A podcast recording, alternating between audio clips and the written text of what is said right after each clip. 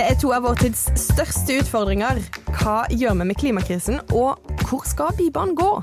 Velkommen til Noen må gå, en podkast fra Bergenstidene. I dag så er jeg svikta av de fleste. Morten er fremdeles hjemme med barnet sitt. Jens er i permisjon for å sette bok til verden. Men jeg, Gerd Kjeldflot, heller heldigvis stand. Og eh, har også i dag selskap av den lille redaktøren. Eirin Eikefjord. hallo, hallo. Velkommen. Og enda viktigere, vi har med oss eh, beste Hans Mjelva i dag. Mhm. Han skal mansplaye litt fra- for oss. Ja, eh, veldig kjekt å kunne hjelpe dere jenter med fakta og kunnskap og sånn. Så hallo fra stova. Det setter vi stor pris på. Ja, du er med eh, på stream fra Stova, rett og slett. Eh, og det er jo ikke på en måte lite vi har eh, eh, på en måte satt oss mål om å løse i dag. Er dere klar for å løse sånn gordiske knuter? Ja, absolutt. Jeg tenker sånn, Hva er egentlig vanskeligst? Er det, altså, Hva klarer vi å løse først? Er det klimakrisen, eller er det Bybanen til Åsane? Nei, det gjenstår å se.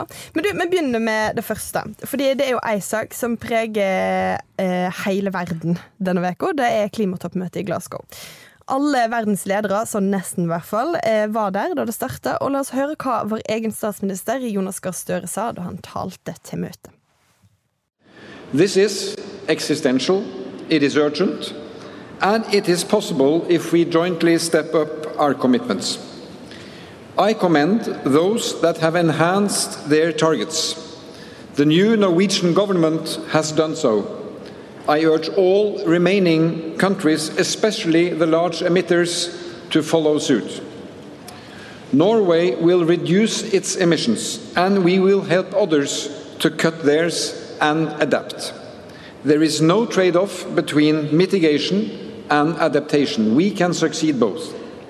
Vi skal snakke litt mer om Støre og Norge sin rolle oppi det hele, men eh, Hans, det er jo her du og din ekspertkompetanse virkelig kommer inn, selvfølgelig. Du følger jo dette møtet ganske tett. Jeg og Eirin er mer på en måte eh, dummies.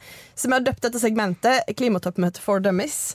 Eh, og eh, kanskje du kan liksom begynne med helt sånn veldig grunnleggende for oss. Hva er det de skal levere til slutt fra dette møtet? Eh, det er litt rart at dere dømmes, men OK, det er greit. Eh, eh, det de skal Dette her er en oppfølging av Paris-møtet. Det har jo vært klimatoppmøte i mellomtida. Men eh, nå skal en jo Hovedmålet med årets møte, sånn som det er lagt opp fra britene som da er verter, er jo at en skal eh, bli enig om 1,5-gradersmålet. Eh, og så skal en da komme med forhåpentligvis tiltak, lovnader og konkret, eh, så konkret som mulig for å kunne nå 1,5-gradersmålet. Det er At jorda ikke skal bli varmere enn 1,5 grader. Det er liksom hovedpoenget. Og hva er på en måte de store hindringene da på veien dit? Det er veldig mange Altså i eh, hovedsak, eh, Hovedsakelig, sånn generelt, så handler det jo om at det å kutte eh, klimautslipp, det koster. Eh, enten i form av at du må eh, subsidiere fornybar kraft, eller, eller fossil kraft blir dyrere. De som produserer fossil kraft, vil jo naturligvis helst ikke at det skal kuttes, osv. Så, så det handler jo om at ingen har lyst til å kutte, men alle må gjøre det. Og så er det da hvordan dette skal fordeles, slik at det framstår som rettferdig. Og da er jo det store spørsmålet eh, hva er Norges rolle oppi alt dette? Fordi at eh, Støre i det her eh, klippet som vi hørte, så snakker han jo om at eh, den nye regjeringen har, eh, i Norge de har eh, satt seg høyere mål.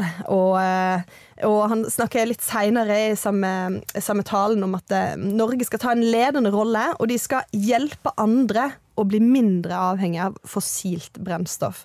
Det høres ut som kanskje verdens største dobbeltmoral, eller er det bare jeg som er kynisk? Nei, altså det er jo, det er jo litt rart at en, eh, en ganske stor olje- og gassprodusent eh, skal liksom hjelpe andre å bli flinke til å kutte utslipp. Uh, vil nok mange si. Eh, og så er det, er det en logikk i det. altså fordi at det, er jo um, og Som naturligvis Norge tjener på er, For hele Parisavtalen er bygd på at det er etterspørselen uh, som skal kuttes. Altså det er utslippene i landene uh, som, som uh, en avtale om hvor mye de skal ned.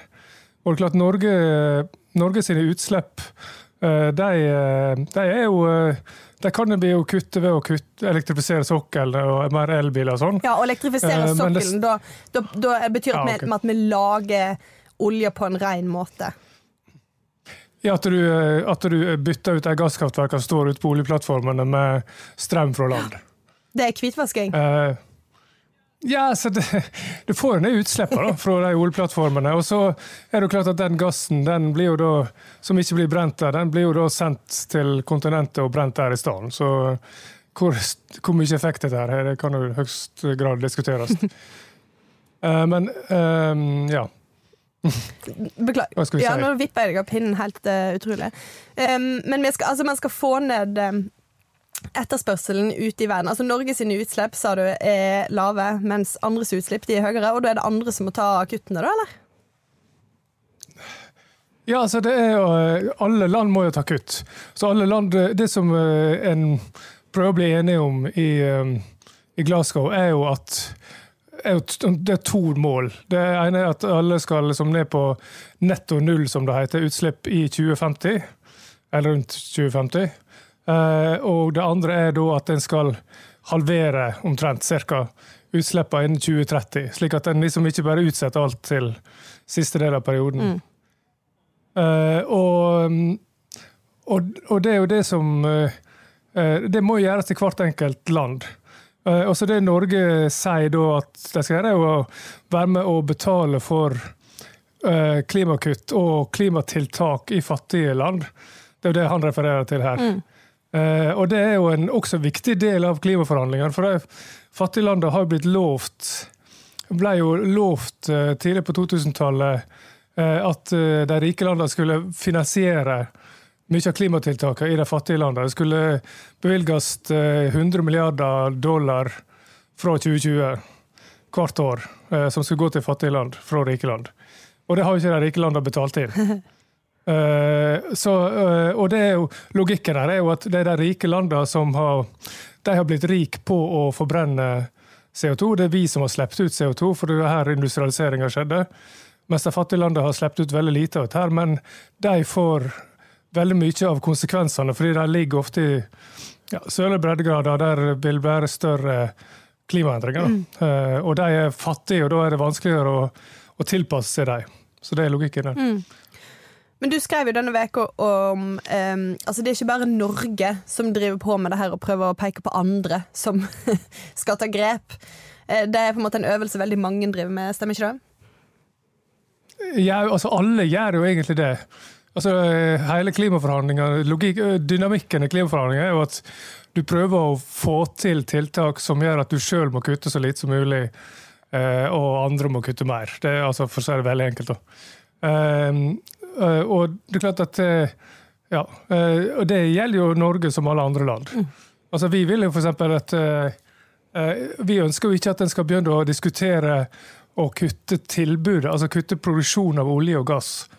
Det har ikke vi noe interesse av, for vi vil jo gjerne produsere olje og gass og tjene mye penger. Og så kan vi heller bruke de pengene, kan vi være rause og bruke de pengene til, å, til klimatiltak i andre land. Kjøpe noe regnskog og noe greier. Ja, altså det var jo, ja, det var jo Jens Stoltenbergs store greie. Uh, at vi, han mente jo at vi burde bygge ut Lofoten og Vesterålen også, og så heller bruke pengene på å kjøpe regnskog i Brasil. Mm.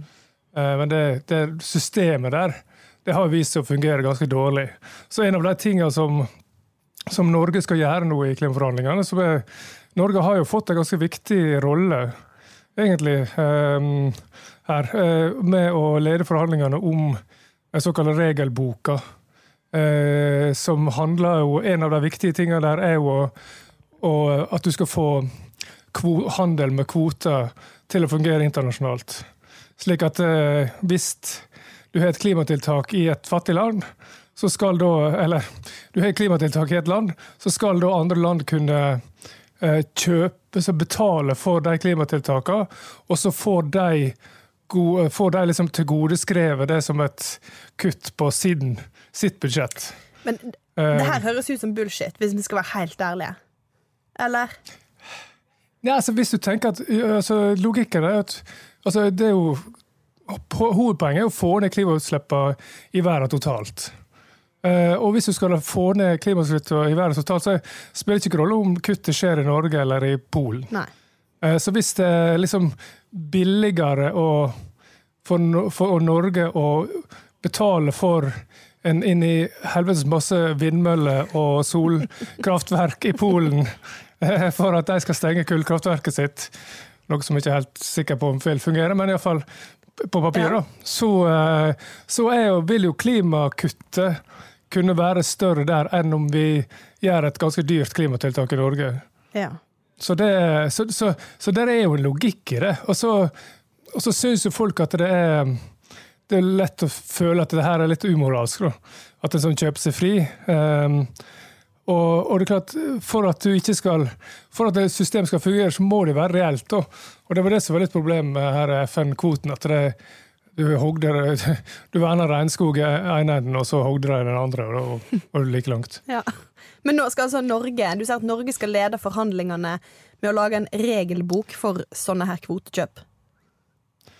Ja, og det er kjempevanskelig. For det, altså en, en god illustrasjon på det er jo at hvis Norge kjøper, betaler for å verne regnskog i Brasil, skal det da eh, føres på Norge sitt klimaregnskap, altså at vi skal liksom få godkjent det som et kutt, eller skal det føres på Brasil sitt regnskap?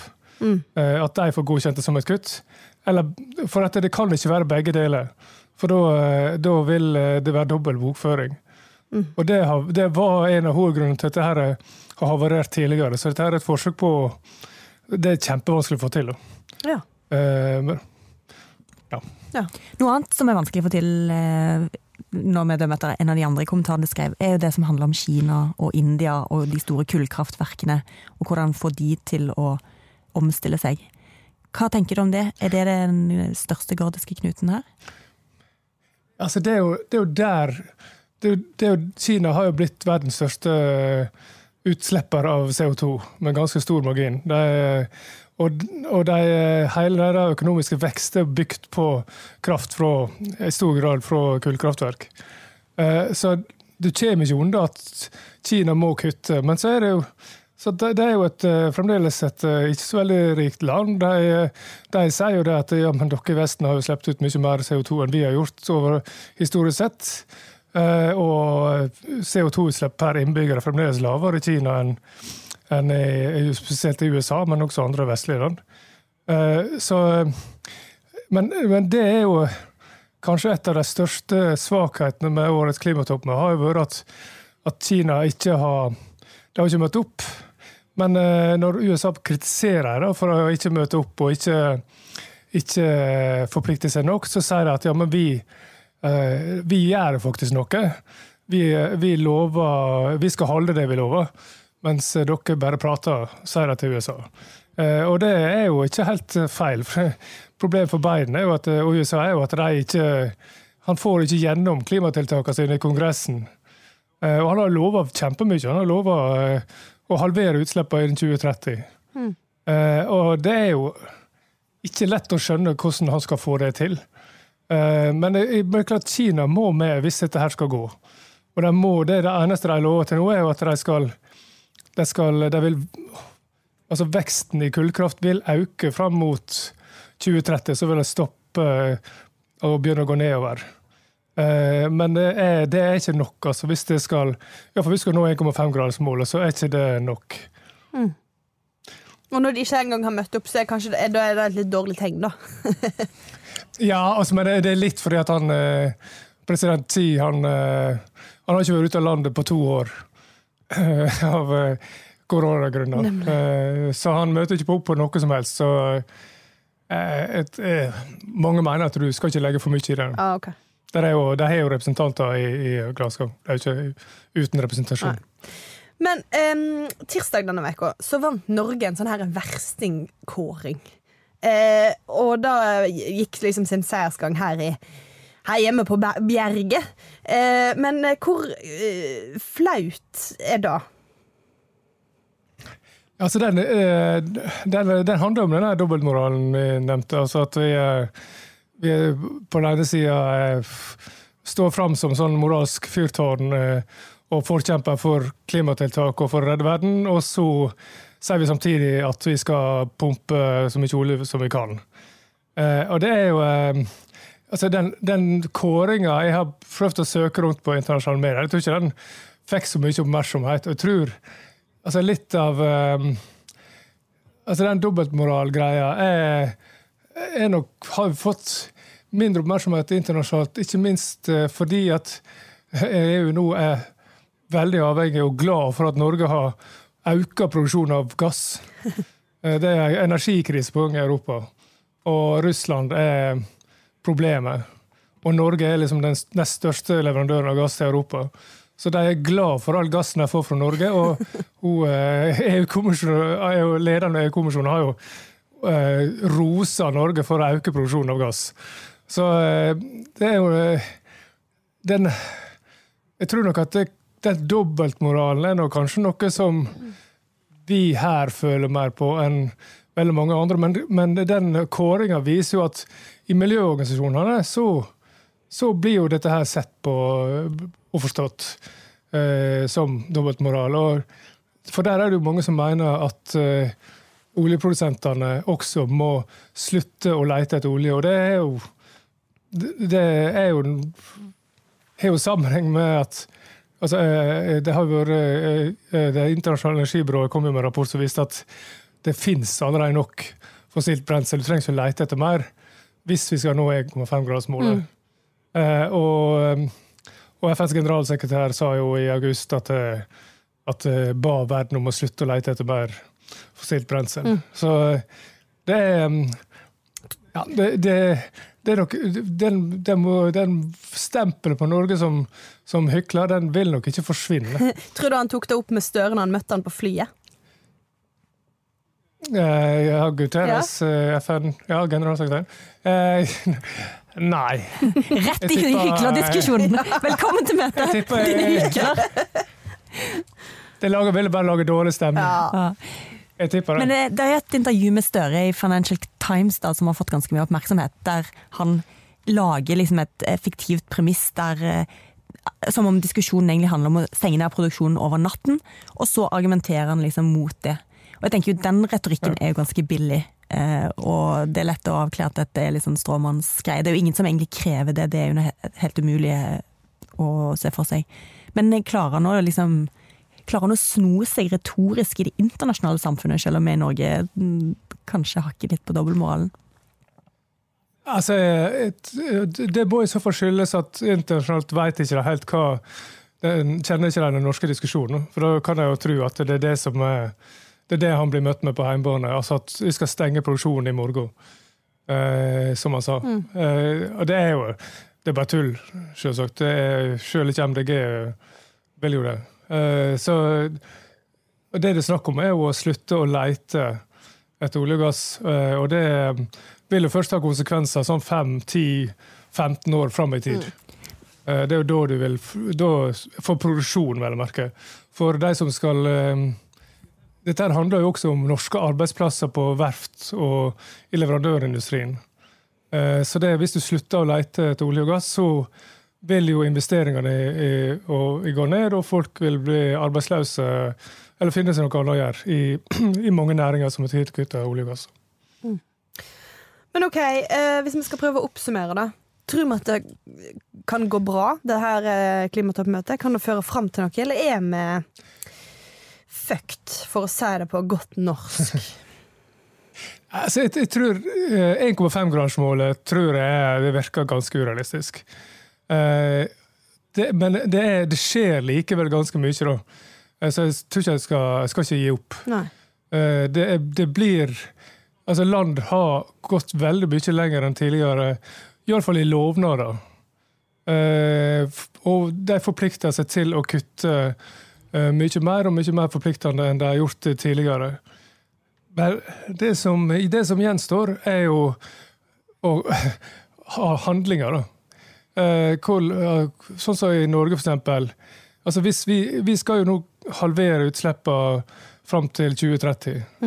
Og hvis vi ikke da øker avgiften på, på CO2 osv., så, videre, så vil vi neppe klare det. Altså det, må, det må gjøres ting som er ubehagelige for folk. Og det gjelder ikke bare i Norge, det gjelder i alle land. Eh, og det er vanskelig å få til politisk. Så er jo, eh, det, det er mye lettere å love at det skal kutte, enn å gjøre det i praksis. Så jeg tenker at eh, klimatoppmøtet er et startskudd. Men det viktige det er det som skjer etterpå. Mm. Eh, når landene skal gå hjem og faktisk oppfylle de lovnadene de har kommet. Ja, ikke sant. Handling for en ord. Det er det som er det store her. Og apropos ting som er vanskelig å få til politisk. Et problem som er virkelig, virkelig vanskelig å løse, det er Bybanen til Åsane. Og nå skjer det ting, sakte, men sikkert. For 24. november så skal bystyret enda en gang stemme over hvor skinnene til Åsane skal gå. Og forrige uke så gikk byrådet tydelig inn for Bryggen. Hør på dette. Byrådet mener at det nå finnes to alternativer. En dagløsning som er realistisk med tanke på økonomi, framdrift, risiko, planlegging og gjennomføring. Og et tunnelalternativ som er hefta med betydelig usikkerhet. Etter byrådets vurdering så mye usikkerhet at det i sum framstår som urealistisk å føre fram. Samla sett mener byrådet at den totale risikoen da ved å gå for tunnelalternativet er altfor høy. Og Utredning viser jo etter byrådets vurdering at det er en uakseptabel risiko ved å gå for tunnelalternativet i sentrum, i sentrum og risikoen knytta til finansiering og ferdigstillelse svekker hele bybaneprosjektet. Og Vestland fylkeskommune har i sin uttalelse delt denne tilnærmingen. Og her hørte vi altså byrådsleder Roger Valhammer. Problemet hans er at han mangler tre stemmer i et litt rufsete bystyre for å få traseen sin. Hva tror du, Gerd? Tror du han klarer å overbevise noen? Du som er vår eh, bybaneekspert. Eh, takk for den tittelen. Eh, jeg er veldig usikker på om jeg har lyst på å ha den, men OK. Em, nei, altså Problemet til Roger Wallemer er jo at han gjentar argumenter som vel er brukt i snart ti år, cirka. Så det er på en måte ikke så mye nytt her. eh, og alle de som eh, har hørt disse argumentene tusen ganger før og fortsatt tenkt mm, Men jeg vil ikke ha Bybanen foran Bryggen. Eh, de tenker fortsatt det, tror jeg. Og da er jo det virkelig sånn store problemet i, i denne debatten. Men nå er det eh, utrolig spennende. For siden sist vi snakka om eh, Bybanen i denne podkasten, så som du ser, så har byrådet faktisk lagt fram saken, og den skal opp i bystyret 24. november, er det? Ja. Eh, og da er det på en måte bare noen uker igjen, og det som du ser, det er bare tre stemmer. Og det er jo det som gjør at dette her er så eh, At det kan vippe begge veier fortsatt, da. For det føles ganske satt hva partier og representanter i det her bystyret som vil ha tunnel, og hva, hvem som vil ha Bybanen langs Bryggen. Um, men når det er bare tre stemmer, så er det jo Det skal ikke så mye til da for å klare vippene. Nei, og partier rakner jo en masse her i bystyret. Ja, definitivt. Så hva, hva med sånn Hvilke, hvilke Men- Oi, unnskyld. Nei, men jeg skulle til å spørre det samme som du, Eirin. Ja. Uh, hvem, hvem kan de hente? Hvem er de tre som Fins det noen tre personer som ja, vi kan gi Da flertall? må vi jo liksom tro at det fins dem. Altså, du har selvfølgelig først og fremst eh, Rødt. Som gjerne er det partiet som dette byrådet vårt. Altså, Kanskje vi skal ta ett skritt tilbake og bare på en måte oppsummere helt hvor ko-ko den politiske situasjonen i Bergen er. For du har et byråd som allerede er satt Ok, sammen jeg, jeg setter meg, jeg setter meg litt tilbake igjen og lener meg tilbake. Da er det popkorn-tid, eh, Hans. Du har eh, ikke mindre enn fire partier som sitter i byråd. Arbeiderpartiet, KrF, Venstre og MDG. De er avhengig av støtte fra to partier til for å få gjennom noe som helst. Og i bybanesaken så har de med seg SV. Og da mangler de tre representanter. Det kunne vært Rødt. Litt sånn logisk at Arbeiderpartiet skal vende seg mot venstresiden, for eksempel. Eh, og de har jo, tenker du en kanskje, ikke så mange andre plasser å gå, men i bybanesaken så gjelder jo selvfølgelig ikke vanlige politiske regler og samarbeidspartnere, og Rødt de vil ha tunnel. Og så har Rødt vært litt sånn De vil også ha eh, en kontinuerlig utbygging av Bybanen. Altså altså nå bygger de bybane mot Fyllingsdalen, og meninga var jo at når de var ferdig med det, så skulle de begynne å bygge til Åsane. Problemet er jo da at det er jo eh, ti år på overtid med å bestemme hvor den banen skal gå. Så de, hvis ikke de klarer å bestemme dette her nå, så stopper på en måte hele bybanebyggingen opp. Eh, og det har i hvert fall vært et viktig argument at, at sånn kan vi ikke ha det. Eh, politikerne må klare å bestemme seg sånn at en kan fortsette å bygge. Og da Men er det fordi at det da blir dyrere hvis de stopper opp, liksom? Altså, jeg, jeg veit ikke. Altså, det her argumentet har jo vært at da slutter alle som kan noe om Bybanen å forsvinne. eh, Flyr av gårde. Eh, Men eh, Det blir så stress å lese seg opp på alle rapportene, for ingen orker å få den oversikten noen gang igjen. Så da Som du er endelig, endelig, endelig fri fra hele bybanehelvetet, så vil ikke du begynne på igjen. Da Nei. flykter du fra byen. Men på Stortinget for eksempel, så er det jo av og til sånn at i verdispørsmål så blir eh, partiene liksom frigir sine representanter og lar de stemme etter egen overbevisning i saker, f.eks. som abort eller dype etiske dilemmaer. Nå tenker jeg at Bybanesaken er der oppe med liksom de store Ja, etiske Ja. verdistridene i vår tid. For det er jo i hjertet. I hjertet. Og vil du da se for deg at noen av partiene tenker altså, eller stemmer de i blokk? Må de liksom bli enige internt? For jeg ser jo at det er litt sånn gnist. Det er vel ikke alle som er helt enige internt heller. Nei, det tror jeg ikke, men jeg tror, jeg, altså, jeg, jeg tror ingen vil åpne for at folk kan stemme etter hjertet, på en måte, sånn offisielt. Fordi da kan du ikke, for det her er jo eh, I denne byen. Oi, oi, oi. maktbalanse akkurat nå. Men, eh, men at det er noen som kan bryte ut, ja ja. Og du har f.eks. Senterpartiet, som er et annet parti som byrådet prøver å, å henvende seg til av og til. De er også egentlig tunnelparti, men um, Uh, de er i full oppløsning. Jeg vet ikke hvordan ellers jeg skal si det. Ja, Der kan du se for deg at noen kan bryte Ja, ut. og Bybanen har vel splittet Senterpartiet før? Ja, altså på fylkes eh, I fylket så vil Senterpartiet ha Bybanen langs Bryggen. Mens i Bergen så er de sterke tunnelforkjempere. Så det, altså, innad i det partiet der så kan du se for deg at det er bevegelse. Og så har du eksempel Høyre. Høyre var jo, må vi huske på, det var Monica Mæland som først lanserte Bybanen langs Bryggen og sa at her skal den gå. Eh, så viste det seg at eh, ja, da, altså, Jeg håper hun tenker på det ganske ofte, at det var dumt. Der gjorde du feil, Monica. Burde du ikke gjort. For da starta jo bare egentlig alt som er disse de ti årene her med tull. Og det, i det partiet der så, så ble jo alt gale. Men sant, de var egentlig for eh, å ha Bybanen langs Bryggen. Det fins helt sikkert fortsatt noen i Høyre som eh, kjenner inni seg at da er egentlig det rette. Du kan se for deg at noen kan bryte ut der også. Eh, og så har du en haug med, med uavhengige i eh, det her bystyret, men de er egentlig av den typen som ikke har lyst på bybane i det hele tatt, og som dernest eh, Altså, først og fremst vil de ikke ha bybane, og eh, nummer to vil de i hvert fall ikke ha den over Bryggen. Så det er nok, de vil nok stemme for Ja, for dette er jo fascinerende med bompengepartiet som har én sak, og det er mindre bompenger. Ja. Men så har de fått en viktigere sak, og det er å verne Bryggen. Ja, man kan, ja. Eh, Så nå vil de jo egentlig aller mest verne Bryggen. Mm. Men det betyr jo at de går inn for tunnel, som gir ekstremt mye mer bompenger, og faktisk 2,2 milliarder mer penger å betale for bybane. Ja. Men vi kan i hvert fall eh, mm, Altså, vi kan ikke slå fast at det vil gi mer bompenger. Det er jo, altså, alt er jo en del av et kjempestort regnestykke, og du kan kanskje spare 2,2 milliarder en annen plass. Hva vet jeg. Eh, og så skal staten inn og betale noe, og hvor mye vil staten egentlig betale? Altså, Det er nok til å gjøre oss gal bare av å tenke på disse tingene. Og det er jo liksom, det er litt det som skjer nå, da, i denne debatten, er at alle faktaene, eller eh, hvis det finnes fakta igjen i denne debatten, de bare liksom de koker rundt, og, og det som er fakta for ett parti, for byrådspartiene, det er, er konspirasjon og, og bare politisk spinn eh, hos tunnelpartiene. Altså, så det er Ingen er enige om noe som helst. Fagfolks integritet blir absolutt trukket ned og dratt gjennom gjørma. Ingenting er hellig her, altså. Det er ganske Ja. Men det er jo men det, altså Jeg har jo eh, dekket dette her tidligere, men det er jo altså Fagfolka i, blir jo sett på som agenter for visse syn. Eh, Og den her eh, mistrua har jo vært der hele tida. Først de som ikke vil ha bybane i hele tatt. eh, Og så har jo de konvertert til nei til bybane over Bryggen. eh, Og fått med seg flere.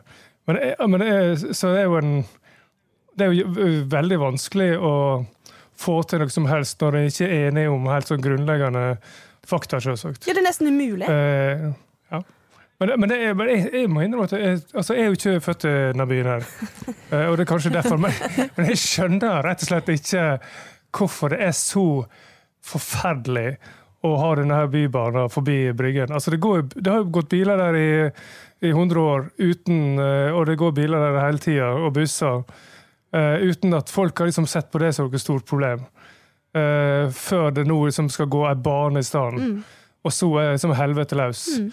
Uh, og det er jo det, klart, det, har jo vært Underveis så har, jo, har du hatt folk som har laga der, der, er jo en del altså Bergen er jo en by med mye folk med voldsomme følelser for tradisjoner, og det er jo noe av det fine med denne byen.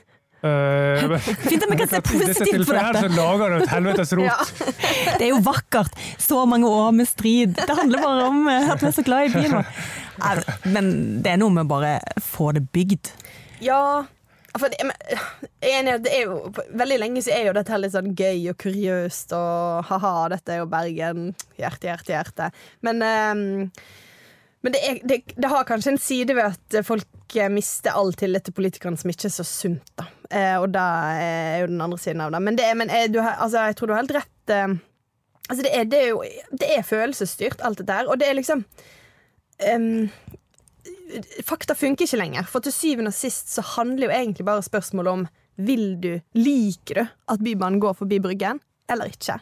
Og det er på en måte bare det er da det kommer ned til. Du kan slenge på all fakta, alle milliarder, alle eh, tunneler, grunnvannsbekymringer og alt drit. Men til syvende og sist er det på en måte bare det det handler om. det Og da tror jeg egentlig Jeg er litt sånn skeptisk til det som virker som strategien til byrådet akkurat nå, som er å mane til ansvarlighet, eh, eh, kaste masse fakta på folk, eh, skremme folk litt, kanskje. Men det funker jo aldri. Da blir jo folk bare trassige og bare 'ikke helvete, jeg skal stemme for det jeg mente'. Altså, sånn det er litt som når jeg eh, våkner om morgenen og starter dagen med å kjenne litt på ungene. Da, da vet du at da har du tapt allerede før du begynte. Alle vet at når det gjelder barn og bybane, så er det diplomati og lirking, lirking som gjelder. Du må kjøpe deg Hjelper ikke å kjefte. Da går alle i lås. Ikke sant. Det, ja. men, men, for å holde, holde det til, til familie uh. Ja. Så, så tenker jeg, Det som trengs her, er jo noen voksne personer At Mor og far snakker sammen og blir enige. Ja, Høyre og Arbeiderpartiet. Og, og vise ansvar. Og det er, det er, jo det som er Jeg syns det er uh, utrolig med dette. Fordi at altså, Politikere virker som at de har blitt så utrolig feige uh, og redd for å ta en beslutning her. Fordi at det er så mange hissige folk rundt omkring, og de blir redd for å bli slått i haug i 17. mai-tog med paraplyer.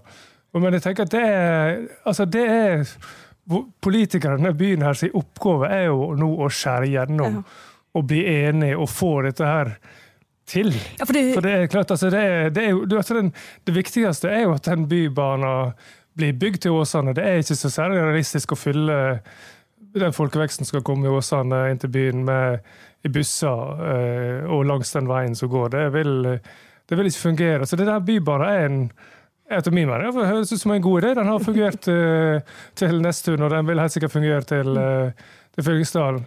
Så det så jeg synes det ja, nei, det må rett og slett Mor og far må snakke sammen og vise seg voksne, og ikke bare la det skure gå. For partiene så kan det jo være at de oppfatter det som et mye større prestisjenederlag å snu enn velgerne egentlig ville tenkt at det er. For Jeg husker jo ikke engang hva partiene mente i utgangspunktet. Altså Det er så mye rot her at hvis, hvis Høyre plutselig nå sier sånn ja, men vi vil jo absolutt ha Bryggen, så er det sånn å ja, ja, men det, det høres lurt ut, det. Det er billigere og eh, hva, si, ja. Ja, hva har mange positive sider ved seg. Nei, så jeg tror kanskje den der at det å sitte og ruge på det standpunktet de har hatt for enhver pris, utrolig destruktivt. Og jeg tror ikke de får så mye belønning for å trumfe det i mål, da. Nei. Nei men det er litt sånn her, For å gå tilbake igjen til det her familiegreiene. Så er Mor og far er jo eh, havna Det er isfront, sant. De er på strake veien mot skilsmisse. Det, de, må, det, er De kommer sikkert ikke ut av dette uten noe terapi, men eh, Nei, det er veldig, veldig spennende hva som skjer. Og da, altså, den strategien som ser å, eh, de ser ut til å gå for nå, er jo at den ene siden vinner. Og da er jo spørsmålet funker da? Eh, Fordi at da, da vil jo de andre, den andre siden føle seg som tapere. For at hvis du, Uansett om det er tunnelalternativet som vinner da, med tre stemmers eh, overvekt, eller om det er eh, byba, nei, eh, Bryggen-alternativet som vinner med da én stemmes overvekt, så vil det føles som bare sånn åh, som et ekstremt prestisjetap og så på hengende håret, og at noen svikter, eller et eller annet. Ja, Det kommer til å bli sårt og vondt uansett. da. Og så er jo det store spørsmålet eh, om, om byrådet også kommer til å på en måte legge det endelige kortet på bordet og stille kabinettspørsmål i denne saken. Da kan jo en, en tenke at er en logisk følge når denne saken har vært så viktig, og de går så hardt ut eh, for at eh, eh, og, og sier at det er, bare, det er i realiteten bare ett alternativ her, sier de. Vi kan bare eh, med liksom vår samvittighet i, i behold eh, eh, gå for det ene alternativet, fordi mener tunnelforslaget er så dårlig. Og da har de jo egentlig sagt altså hvis eh, bystyret da sier ja, men vi skal ha tunnel likevel, kan byrådet da sitte og, og si OK, greit, da setter vi i verk og gjennomfører da tiltaket. Kan de, kan de gjøre det? Når de har gått så hardt ut, så tror jeg kanskje ikke det. Og da har du kabinettspørsmålet eh, på bordet, og da har vi det gående. Ja, så de, altså, Kabinettspørsmålet betyr altså at du sier at vi går av hvis vi ikke får det sånn som vi vil. Ja. Men hvem skal da ta over? Skal de bare gå på igjen? Sånn som de pleier å gjøre Ja, nei, eh, i Oslo, f.eks.? Ja, for det er akkurat da. Og det var litt samme, for da trua de um, Da var det jo Rødt som på en måte kunne ha redda byrådet. Det var jo litt samme som eksempel her, da. Det er Rødt som kanskje kan redde dette byrådet. Um, viste seg i Oslo at de reagerte ekstremt dårlig på trusler. Eh, og uh, her i Bergen så er det jo litt samme situasjon at ehm, OK, hvis, hvis byrådet går av hvis Arbeiderparti-byrådet går av, så kan jo eh, Høyre eh, prøve å gå på. Eh, og da, kan de gjøre, for at, eh, du trenger ikke et flertall bak deg for, eh, eh, for denne byråden her i Bergen. Det er såkalt, ikke dette som heter negativ parlamentarisme? Jeg gikk aldri Sampol, men jeg tror det er det. Men men du, de, vil jo, de har jo ikke noe grunnlag for å styre. For de må da styre på nåde fra ja, jeg veit ikke helt hvem, egentlig. Så de vil ikke kunne få gjennomført noe. Og, og eh, Høyre er jo ikke interessert i dette, for de eh, er tenker jo allerede på 2023 og at det kommer et nytt valg som de skal vinne, for let's face it. Eh, eh, altså, Harald Viktor Hove har allerede begynt å si sånn Når jeg tar over i 2023 Så han føler seg ganske trygg på det. Og da er jo på en måte situasjonen at Roger Wallermer og Arbeiderpartiet kan gå av, og så må de gå på igjen. Og det høres ikke ut som en veldig stor trussel for Rødt. Nei. Så da kabinettspørsmål har egentlig ingenting for seg. Gratulerer. Eh, ja. Så, men vente på neste valg, da. For det, det kommer jo et nytt bystyre. For det, sånn som jeg oppfatter alle disse vedtakene, sånn, ja vi vedtok det, men det var bare tøys for at vi venta bare til det kom et nytt valg og et nytt bystyre, og så tok vi et nytt vedtak, fikk noen nye rapporter, Ja. og så holder vi det gående. Det kan vel skje? Det kan jo skje, men da, da må vi jo bare gi opp, da. For da er vi jo der at hvis vi begynner med en ny diskusjon i 2023, så tar det noen år. Og da er vi jo allerede der at Bybanen til Åsane skulle vært ferdig for lengst. Vi har fortsatt ikke bestemt oss hvor den skal gå. Da må vi bare legge den død. Da må vi bare gå videre i livet og finne et eller annet nytt luftslott å kjempe om. Tenker jeg. Takk. Ja, men det, det høres ut som uh, realistisk utvikling. Ja, så vi endte med uh, som, uh, forsiktig, positiv optimisme i klimakrisespørsmålet. Uh, Bybanespørsmålet. Det er lite håp. Ja, så I 2050, når vi sitter og bare sånn åh, flaks med det der nullutslippsgreiene, Ja. men vi fikk ikke Bybanen til sånne. Alle må ta elsykler for å holde utslippene nede. Ja, det blir kjekt fra Åsane. Fra Hylkje til sentrum på elsykkel. Eh, men eh, vi skal videre til vår faste spalte og Vestland. Det er jo egentlig Jens som eh, sin spalte, der han diskuterer ulike karaktertrekk ved oss vestlendinger. Men selv om han ikke er her, så lar ikke vi den sjansen til å eh, misjonere for vår ikke. Granske vår sjel. Ja, ja. Og for at vestlendinger er fantastiske, utrolig spennende mennesker. Hans, du eh, skal få loses gjennom denne spalten i dag. Og hva, hva skal vi snakke om? Altså, jeg, jeg så en sak i um, Klassekampen nå i denne veka her. Eh, det er en bok som kommer uh, av Magnus Marsdal. Eh, der har de gjort en undersøkelse eh, som jeg synes var interessant, som viser forskjeller mellom østlendinger og vestlendinger. Og der, det viste jo at folk som De spurte da vil eh, oljebransjen bidra eh, negativt eller positivt eh, når det gjelder å motvirke global oppvarming? Altså Vil oljebransjen da kunne motvirke global oppvarming, eller gjøre det verre? Okay, ja. Eh, og i Oslo så svarer da 77% at oljebransjen bidrar negativt. Mens i, på Vestlandet så mener 70% at det bidrar positivt. Eh, og så tenker jeg at dette, dette her er jo Det har jo ikke satt med hva vi lever av osv., men det, det er jo også en eh, jeg tenker jo at vestlendinger er som sure og negative. Men dette her viser jo at vi egentlig er eh, veldig, veldig positive. Det er bare at vi er, vi er sure, men vi er veldig veldig positive og ser lys på framtida. Jeg jeg vil si at det her eh, eh, grenser til en slags blåøyd naivitet. Eh, et ekstremt eh, karakterbrist ved vestlendingen, egentlig. Ja, At vi tror at oljebransjen kan bidra positivt? Ja, Forklar meg hvordan det skal skje. er- ja, nei, det, det er jo det som er Jeg tror absolutt de kan bidra positivt, men, eh, Men- men- og det er det som er den store fortellinga. Nå skal ikke vi liksom gå inn i klimadiskusjonen igjen, men bare eh, to stikkord. Hvordan? At, eh, som, som forrige regjeringa og denne regjeringa sier på inn- og utpust, kompetansen for å få til det grønne skiftet, den kommer fra oljenæringa. Det er så det er spinn, vet du. Ja, ja, ja.